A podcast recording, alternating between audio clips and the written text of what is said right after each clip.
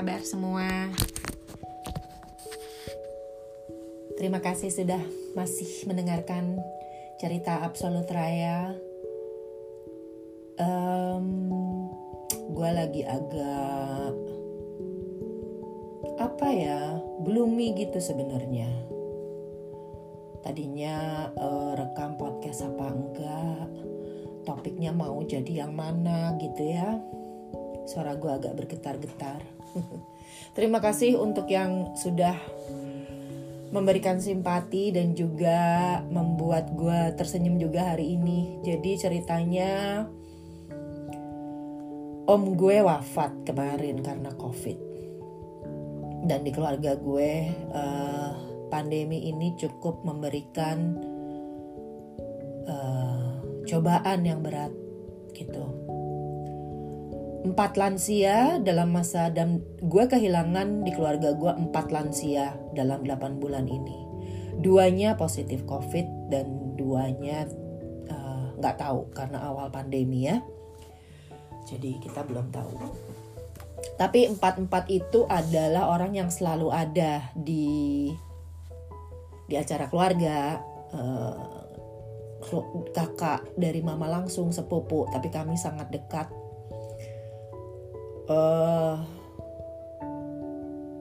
it's really heartbreaking gitu karena tentu aja kalau empat lansia itu sudah wafat dan di antaranya gitu di keluarga gue banyak yang positif juga.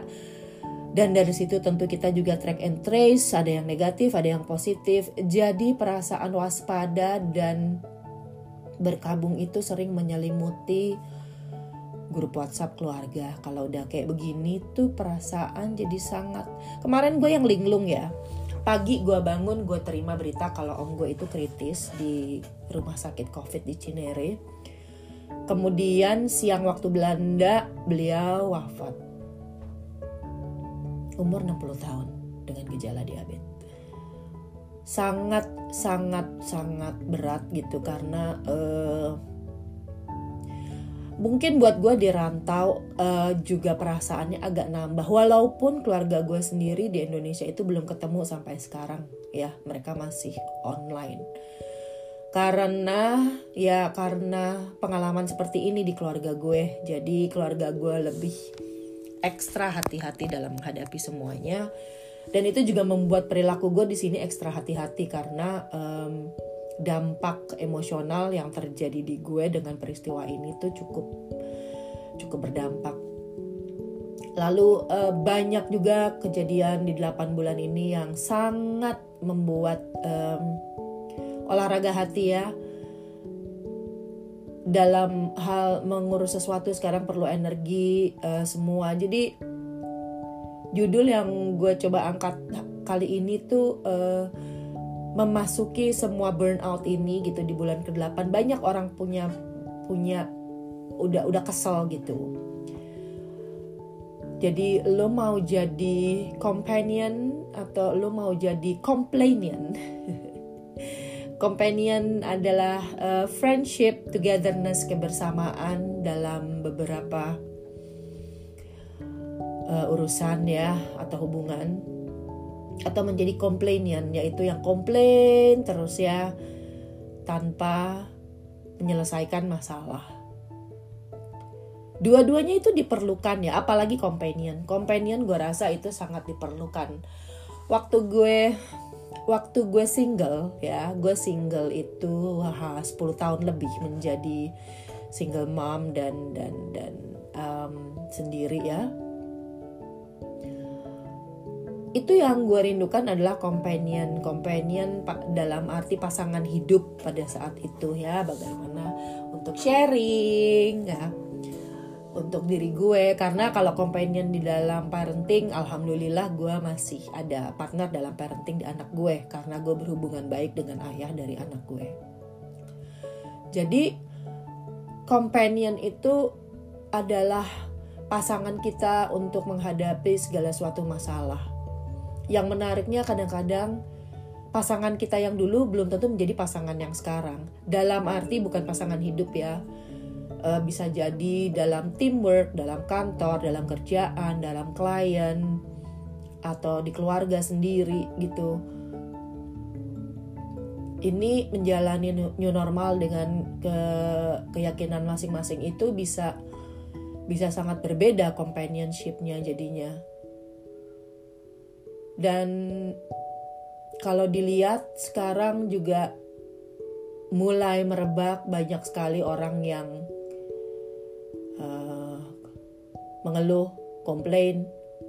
Mungkin mereka juga udah bosen ya gitu. Gue juga udah bosen tapi gue nggak tahu mau ngapain karena kalau komplain gue juga bingung ke mana. Gue komplain ya akhirnya dengan spiritual aja gitu komplain itu kadang diperlukan supaya kita bisa refleksi diri ya.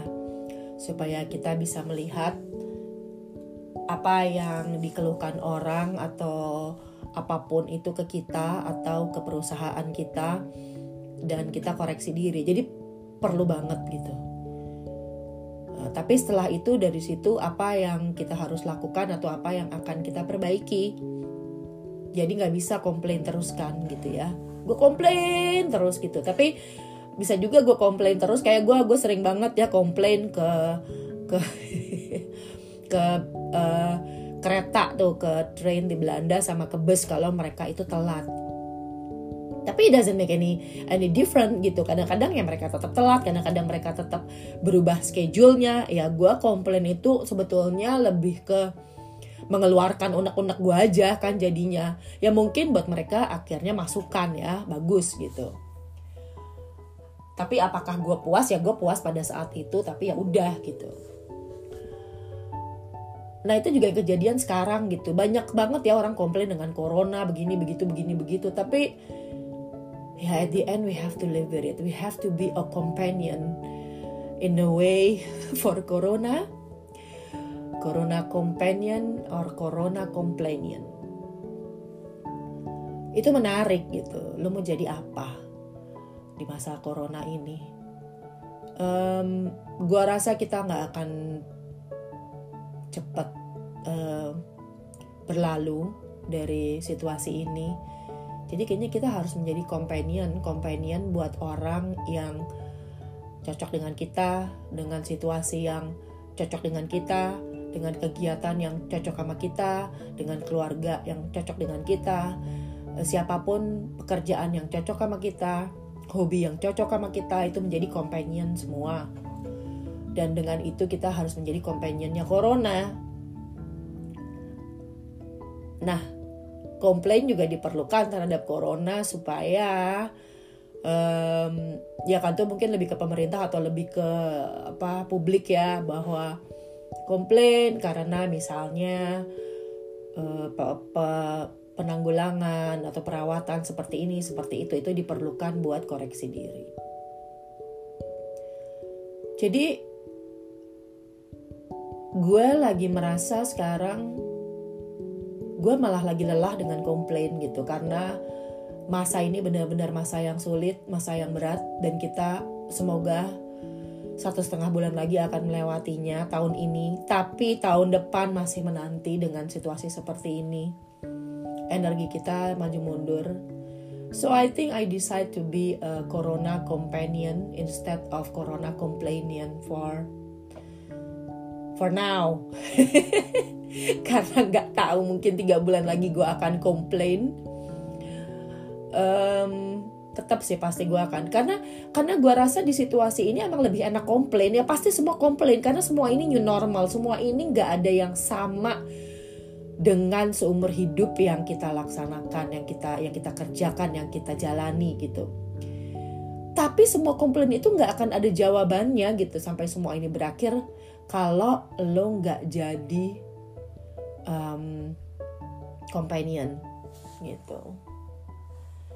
Jadi mungkin kita akan berdamai dengan hati kita, dengan situasi kita, dengan corona, dengan new normal yang ada. Dan mungkin dengan itu terus terang gue pas lagi rekaman ini ya gue lagi lagi down, lagi linglung, lagi galau, lagi yang enggak I, I try to. Jadi kayak baterai gue penuh energi energi energi gue ada tapi semangat gue hilang gitu.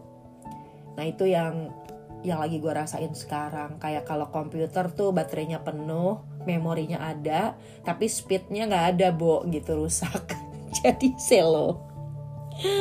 So um, I think I am I am not surrender tapi gue pengen mencoba berdamai dulu gitu dengan situasi ini. I wanna be the corona companion. Oke okay, dan mungkin dengan itu akan lebih tenang untuk menjalani ke depan And what do you guys think? Do you want to be a Corona companion or Corona companion? Terima kasih udah dengerin keluh kesahku. um, take care lagi beneran. Stay safe. Jangan anggap enteng. It's really, really, really, really heartbreaking if it happens to your inner circle and your family. It's really hard. Have a nice day. Stay safe. Kalau ada, kalau dengerin aku, tolong di tag maybe it makes me smile today it makes me happy karena ada yang nemenin sambil dengerin podcast caleg di Absolut Raya uit Groningen. Doei doei!